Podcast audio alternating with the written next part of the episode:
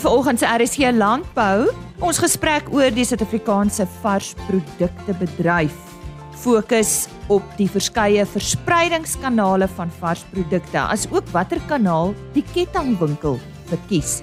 Dr. Johan van Deventer is weer aan die woord. Vind ons uit waarom daar spesiale aandag aan die voeding van uitskotkoeie gegee moet word. Dr. Johan van Rensburg van ABE Biotech gee raad hieroor en die Bastion Teelers Groep hou eersdaags hulle veiling. Dit is 'n Brangus veiling. En ons hoor vanoggend wat het Christopher Sparks en Andrei van der Merwe hieroor gesê. My naam is Lise Roberts en jy's ingeskakel vir RSG Landbou. Dankie dat jy ver oggend saamkuier. Ek vertel julle nou van die Bastion Teelers Groep se 10de produksieveiling en uh, op die lyn verwelkom ek graag eerstens vir Christopher Sparks van Mount Olive Genetics en ook vir Andrei van der Merwe huis van Wouman Brangus. Die twee menere gaan ons vertel van hierdie veiling. Goeiemôre julle. Hallo Lise. Môre Lise. Uh die Bastion Teelers groep is 10 jaar gelede gestig. Enigste twee van die oorspronklike teelers wat oorbly is Wouman Brangus en Mount Olive Brangus wat al reeds sedert 2009 intensief alle metings doen. Help mekaar Brangus is 'n paar jaar gelede bygevoeg. Weswel Brangus verkoop ook al 'n paar jaar saam met ons as 'n gasverkoper.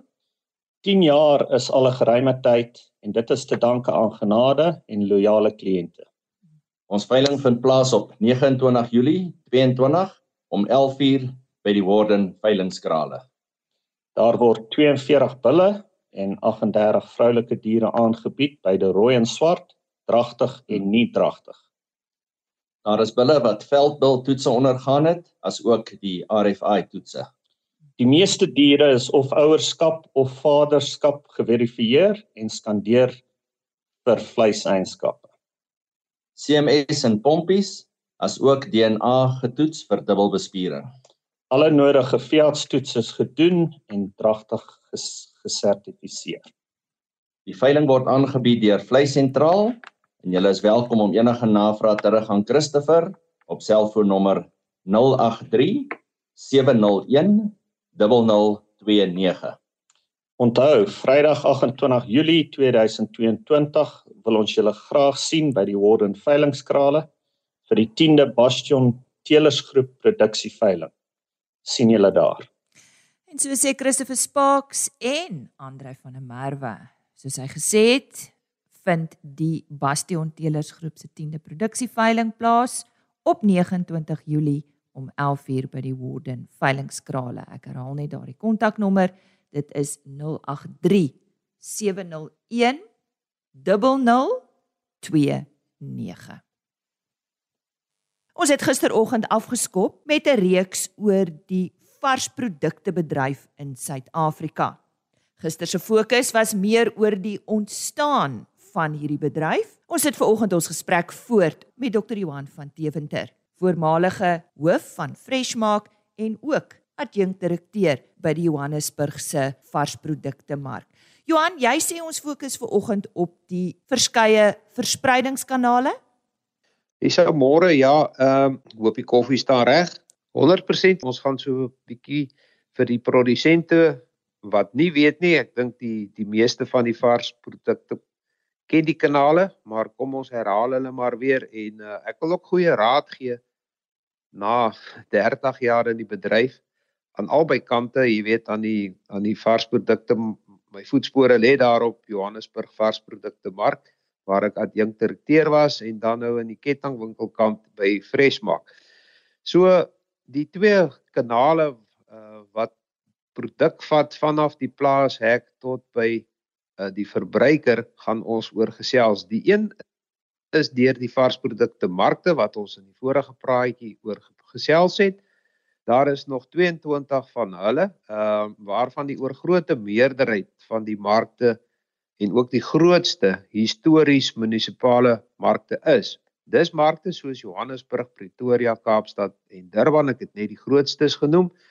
Maar daar is reeds besig om privaat markte ook te ontstaan en ons het voorbeelde soos op Moketsi en op Polokwane wat ook suksesvol is en ons is dankbaar daaroor daar's plek in die son vir almal en die varsprodukte bedryf het hom nog altyd daartoe geleen om in die vrye mark te kan speel. Ehm um, en ek dink dit is wat die krag van die stelsel en die hele bedryf is nog steeds gebaseer op dit en dit is eintlik 'n wonderlike bedryf as ek baie keer oor die draad kyk na ander bedrywe wat nie hierdie voorreg het nie. Johan, wat is die omset van ons varsprodukte markte? Nou die omset as ons by hulle begin as kanaal nommer 1 is tans in die omgewing van 21 miljard. Nou dit is groot geld, 21000 miljoen rand per jaar of terwyl 67 miljoen rand per dag. Jy weet, ek kom van Kolinie af, ek moet altyd die goed 'n bietjie afbreek, dan maak dit vir my sin. die groot syfers uh, maak 'n mens dronk. Johannesburg mark se omset trek by 8.7 miljard per jaar. Uit hierdie syfers is dit duidelik dat die markte 'n onmisbare rol speel in die distribusie van varsprodukte in Suid-Afrika, maar ook na verskeie van die ander Afrika lande. As jy my eie geskiedenis vat nou uh hoeveel produk het ons aangery na die ander lande toe in Afrika van Suid-Afrika af dan is dit van om groot van omvang. So ons is amper 'n kosmandjie uh vir Afrika natuurlik na die noordelike kant toe.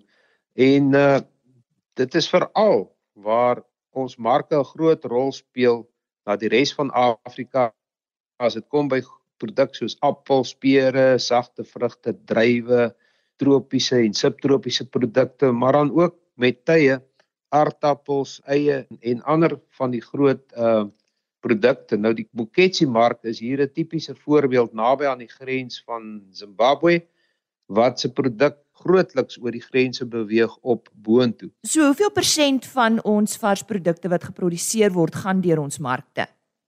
Nou 'n geskatte syfer dui daarop dat sowat 60% van alle varsprodukte wat geproduseer is in Suid-Afrika en wat bestem is vir die binnelandse varsmark gaan nog deur ons varsprodukte markte. So ons gaan later praat dat daar bekommernis is oor ons markte.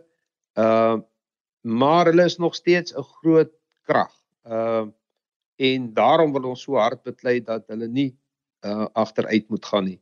Nou die res is die produk wat direk bemark word vanaf die plaas soos aan kettingwinkels, soos aan onafhanklike groothandelaars en die informele bakkie wat op die plase opdaag met hulle bakkies en lorrietjies.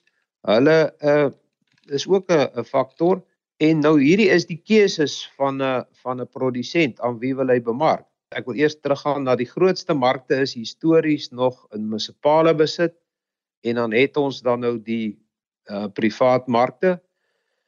En onthou die werklike handel geskied deur die markagente op ons markte en die manne wat ons sê direk aankoop by die boere is dan nou kettingwinkels. Ons ken hulle, dit is die Shoprite en die Pick n Pay en die Sparre en die Woolworths en hulle doen meeste hulle aankope uh direk van die produsente af en nie by die markte nie. Daar's 'n lang reis van redes uh daarvoor, maar ek dink dit regverdig 'n ander praatjie en dan sit ons dan die fokus op dit. So, wat volgens jou is die beter kanaal om te gebruik? Ja, Lisa, daar's groter redenasies oor wat is nou die beste? Is dit deur die mark of is dit deur 'n kettingwinkel? Nou my ervaring is dat dit 'n en is en nie 'n of is nie. Die meeste van ons mega produsente vandag sal ook so getuig. Hulle bemark deur die markte wat dan nou die agente is en dan sal hulle ook aan die kettingwinkels bemark.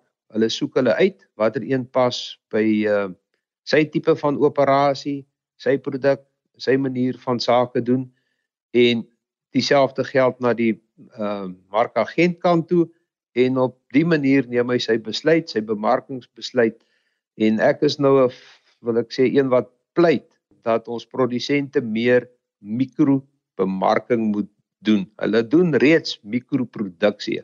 Hulle gee ongelooflike tyd en aandag en geld word bestee aan mikroproduksie.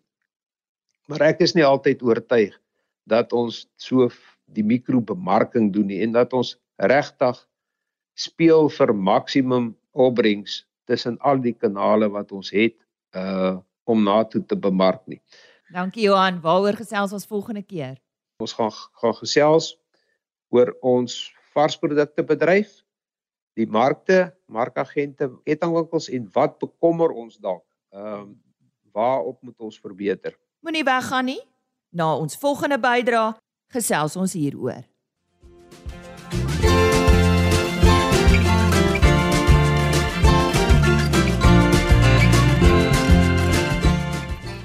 Nou ja, dis nodig dat ons hierdie week met uh, eh, ABE Biotech gesels aangesien hulle ons vernoot is op RSG Landbou maandag tot donderdag. Ek gesels met iemand anders as Dr. Johan van Rensburg. Johan, môre, welkom by RSG Landbou. Goeiemôre Lise, goeiemôre aan die luisteraars ook. Ja. Nou ek sien ons gesels oor die riglyne vir die voer van uitskot koeie. Nou vir die wat nou nie in landbou is nie, sal dalk die vraag vra, wat is 'n uitskot koe? Weet jy as jy nou 'n trop koeie het of diere op jou plaas, dan moet jy natuurlik dink, uh, waar gaan die nuwe dames inkom wat die kudde gaan volmaak die jaar volgende jaar en die jaar daarna. Mm. En dan sal die ou dames natuurlik uit die kudde uit moet verwyder word. Mm. En dis maar waar die term uitskot koeie vandaan kom. Ehm um, dis nie net altyd beperk tot koeie nie. Die grootste hoeveelheid van diere wat uitgeskot word uitgeskot word. So die omgewing van 20% is gewoonlik koeie, maar daar kan natuurlik ook bulle wees ensovoorts wat uitgeskot word. Waarom is die voer van hierdie koeie so belangrik? Ja, weet jy die uitskot koei mark maak 'n integrale deel uit van die vleisbedryf in Suid-Afrika. En om hierdie diere effektief te voer is op 'n mespunt as ek dit so kan stel. Dis diere wat nou al volwasse gewig bereik het en hulle is uitgegroei En indien jy hulle nie reg voer nie, is daar 'n paar probleme wat opduik. Nommer 1, hulle word baie vinnig vet. Hulle sit baie vinnig gewig aan. En natuurlik word jy dan gepenaliseer. Ehm um, die mense wil vleis koop en nie net vet nie. En daar's ook 'n ander ding, baie van die markte uh verkies dat die diere wit vet het en nie geel vet nie hierdie diere of ons uitskot koeie baie van hulle kom van die veld af en as gevolg van die groen weidings wat hulle om op uh opneem en eet is hulle vet natuurlik geel. En soos byvoorbeeld in die Kaap en word boere gepenaliseer wanneer hulle hierdie seegraad koeie sou slag in sekere markte en en hulle het geel vet. So ons moet tyd toegee daartoe dat ons die geel vet in wit vet kan verander en jy doen dit deur hoë koolhidraatrantsoene te voer of hoë energierantsoene te voer. Maar jy moet dan versigtig voer en kort genoeg voer dat jy nie 'n negatiewe marge ontwikkel as gevolg van diere wat te vet word en jy verloor geld nie. Hmm. So dis daai balans wat 'n mens moet handhaaf wanneer jy hierdie uitskot diere voer. Hmm. So dit waarna 'n produsent streef is maar maar tog gesond. Waarom Jan? Absoluut. Die maar diere het die voordeel binne hulle van kompensatoriese groei. En natuurlik die diere moet gesond wees, parasietvry wees ensovoorts want jy kan nie 'n slegte dier of 'n of 'n dier wat in 'n baie swak kondisie is probeer regvoer in 'n kort tyd nie. So maar diere verkieslik en maar na middelmatige diere is jou ideale diere om te voer.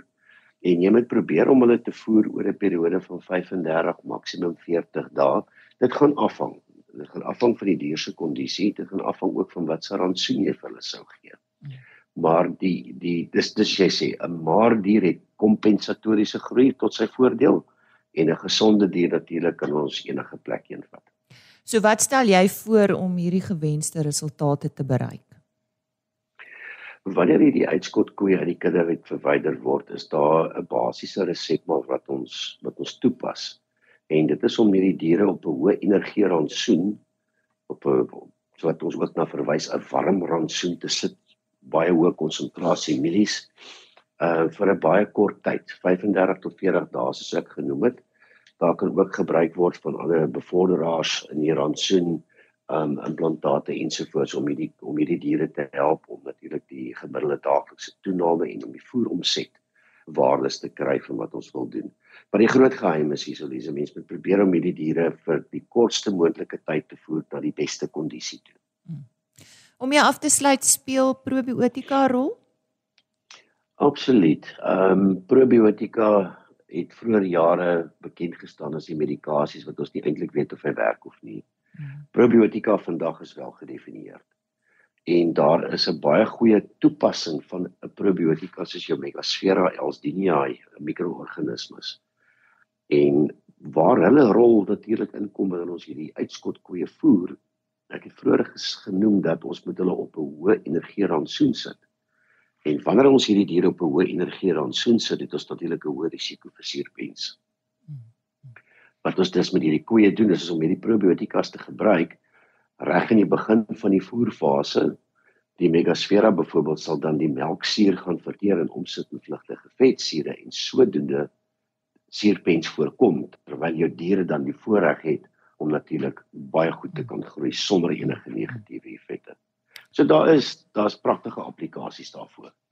Johan baie dankie. So sê dokter Johan van Rensburg van IBE Biotech. As iemand dalk 'n uh, bietjie met julle wil gesels hieroor Johan, ehm um, is daar inligting dalk op julle webtuiste beskikbaar of julle kontakbesonderhede as jy dit net vir ons kan gee? Ja, dis hulle kan ons kontak by 082 336 5498 enige tyd. Dokter Johan van Rensburg, ek herhaal daardie uh selfoonnommer 082 336 5498 en hy het gesels oor die belangrikheid van voer van uitskot koeie. En nou gesels ons oor die rol van die kettingwinkel in die varsprodukte bedryf van Suid-Afrika en watter kanale hulle verkies. Dis baie aktueel. Ek dink veral jare terug was dit nog meer aktueel as vandag is die hele kwessie rondom die kettingwinkelgroepe wat nie of wat verkies om nie direk op die mark te koop nie. Daar's wel gevalle dat hulle nou deur handelaars dalk wel aankope op die mark te doen. Maar as jy in hulle raadsaal sou sit en uh, ek kom ons nou uit daai stal uit, mm. dan is is daar bepaalde redes oor waarom die kettingwinkels veral as hulle nou groot genoeg is sou verkies nommer 1 om direk met die produsente onderhandel en aankope so te doen. Eerstens wil ek sê dit is nie asof die kettingwinkels een oggend opgestaan het en toe besluit hulle kom ons koop nou nie meer op die op die varsprodukte markte nie. Dit is nie dit is nie so nie. Kom ons kyk na die praktiese en die bedryfsredes waarom dit so is. In die eerste plek is dit varsheid. Ehm um, die kettingwinkel verkies om sy produk so vars as moontlik en so vinnig moontlik op die winkelrak te kry. Hulle het ook 'n uh, distribusiesentrums waarvan Freshmark een is, maar die produk spoed is 'n uh, prioriteit nommer 1. Die goed verkieslik moet die produk in en uit op dieselfde dag, dan tik die boksie soos hulle sal sê. So dis plaaswerk tot winkelrak vinnig. So hier's nie plek nou vir produk om eers op 'n markvloer te gaan draai. Dan word daar tyd gemors en die koelketting word ook nie altyd reg gehandhaaf nie. Dan kom dit terug na die kettingwinkel se eie distribusiesentrum waar hulle dan die bestellings opmaak vir die winkels en dan word dit eers versprei. Nie. Teen daai tyd is daai produk ten minste 2 dae oud. So daar kan 'n dag uitgehaal word. Nou het ons nog goed soos hantering. Dit kom nou van die plaas af, dit word afgelaai op die markvloer, dit word weer opgelaai, dit word by die kettingwinkels se distribusiesentrum weer afgelaai en dit word nog 'n keer gehanteer en weer opgelaai en dan by die winkel weer afgelaai. So dit is nie mm. wat 'n vars produk wil hê mm. met sy hantering nie. En in die hele proses is die koue ketting mos nou van kardinale belang. Nou is dit nie so vreeslik belangrik nie, dis winter. Uh maar as dit somer is en kom ons praat nou maar van die Wes-Kaap waarvan ek nou eerste rangs kennis dra, dan het ons party dae hierso veral Parel en Wellington in die wêreld is bekend vir hulle 40 grade plus. Mm. Dan kan jy nie so ketting hê nie. Dis glad nie ideaal nie want vermorsing gaan intree uh en hy doen. Dis produk wat gekoop is, dit gaan af, dit word weggegooi en ons mag nie met kos mors in hierdie land nie. En verder gaan dit daarom definitief oor die huisvrou se tevredenheid. Sy verwag ook daarom nog 'n 2 of 'n 3 dae van die produk om te hou. Sy gaan dit mos nie dadelik vandag nog alles gebruik nie. So dis een van die die die hoofredes. Johan speel verpakking 'n rol. As 'n mens net deur 'n kettingwinkel loop en jy kyk hoe in watter die watter manier is die produk verpak en hoe word dit aangebied, dan is dit nie so as jy oor die vars produkte mark se vloer loop nie. Dit is nie dieselfde verpakking nie, glad nie. So dit verskil van mekaar. So as die produk nie dit het weer te doen met die eerste punt. Jy kan nie bekostig om dit nou weer her te verpak nie. Dit moet verkieslik op die plaas gedoen word deur die produsent en hy is dan ook die een wat die waarde toevoeg. Elke produsent wil graag waarde toevoeg tot sy produk en dit gee ook werksgeleenthede eerder op die plaas as wat ons nog mense stede toe wil trek uh, vir die werke wat dan hier moet gebeur om vir die herverpakking. En jy die produk is omtrent alles word sal moet oorgepak word as jy sê alles kom van die mark af. So regte plek, kom ons doen dit op die plaas. En die markaankope veroorsaak ook ekstra vervoer en hantering soos ek reeds genoem het en dan verskoon die Engels maar alle produkte vandag het is dit stafie kodes Lisa jy kan dalk help mm, stafie mm. ja, ja barcodes ja, barcodes en dan ja. Die mhm. ja die traceability moet op wees met ander woorde die produsent en ook die verkoopsdatum die sell by date so alles die, moet op die verpakking wees dis wet So naspeurbaarheid is ook belangrik ja, in die varsprodukte bedryf. Ja. Heeltemal ja. reg. So dat as daar iets gebeur, die produk terug uh kan terugspeur tot waar is hy gepak en hoekom het hier 'n fout gekom? Was hier dan nou 'n residue op wat nie daar mag wees nie ensovoorts ensovoorts. En dan baie kettingwinkels verkies dat die produk eintlik klaar op die plaas ge, geprys word. So dit is ook dan wil ek amper sê oop boek, die boer sien presies waarvoor gaan sy produk verkoop en sekerlik kan hy dan nou maar ook beswaar maak as hy sien hierdie marge is te groot, maar dit is nou nie die rede nie, maar ek, ek noem dit nou maar net so. En die hele kwessie rondom voedselveiligheid. Ehm um, dis nie sommer enige iemand wat op 'n dag opstaan en dan lewer hy aan 'n aan 'n kettingwinkel nie daar's 'n hele prosedure wat nagekom word rondom voedselveiligheid soos met uitvoere. Ehm um, so dit is hulle word boere word eintlik maar uitgesoek ehm um, voor hulle kan lewer. Ag en dan's daar goed soos kontinuïteit en daar's etiek en dis 'n dis dis die lysie word lank en hierdie hierdie al hierdie redes maak dat die mark nie altyd die plek is vir aankope nie. Dis nie te sê dat die mark, ons wil nie daardeur sê die mark het swakker kwaliteit nie. Dit is nie dit is 'n persepsie. Hmm. Dis nie die dis nie die waarheid nie want in baie gevalle is dit presies dieselfde produsent se produk wat jy op wat hom op die mark sal neersit wat ook in die kettingwinkel beland. Die een is net direk gegaan en die ander een is eers markvloer toe.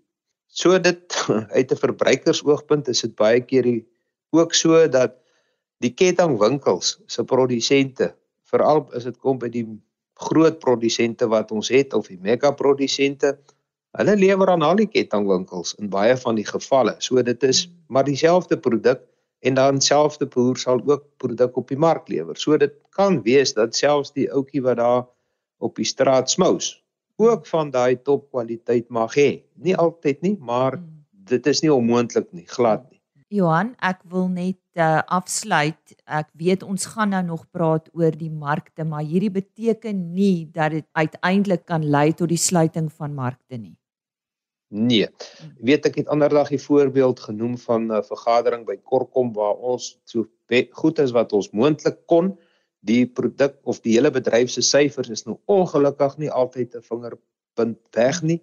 Maar ek dink ons eie praat nou by Freshmark se syfers is daarom al iets en dan kan ons die ander sindre dink ek redelik akkuraat raai.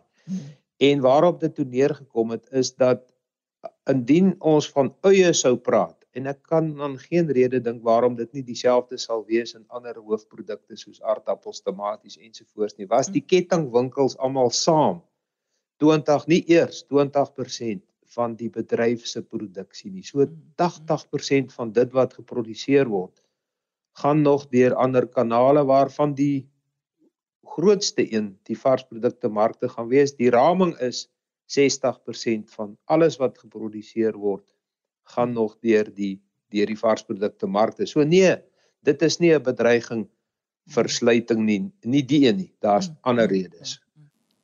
Johan baie dankie. Ons het dan nou nog so twee bydraes van jou kant af. Waaroor gesels ons volgende? Dis dat die volgende ene is die bekommernis wat daar is in die hele bedryf oor ons markte en die markagente stelsel wil ek ook iets sê nie dat daar fout in daai kant is nie. Mm maar dit is oor die markte self, hmm. uh, hulle instandhouding en hulle bestuur. Ons gaan 'n bietjie die soeklig daarop sit. Dis dan môreoggend op RSC Landbou sluit gerus weer by ons aan vir nog 'n gesprek met Dr. Johan van Deventer. Dr. Johan van Deventer is voormalige hoof van Freshmark wat natuurlik deel is van die Checkers Shoprite groep en hy was ook adjunkt direkteur van die Johannesburgse varsprodukte mark. Onthou RSG Landbou is op rsg.co.za as potgooi beskikbaar. Jy kan ook www.agriorbit.com raadpleeg. Daar word ons onderhoude onder podcast afsonderlik gelaai indien jy graag weer wil gaan luister. En dan stuur gerus vir my e-pos by rsglandbou@plaasmedia.co.za. Ons kyk dan weer môre. Ek sien uit. Totsiens. RSG Landbou is 'n plaas media produksie met regisseur en aanbieder Lize Roberts en tegniese ondersteuning deur Jolande Rooi.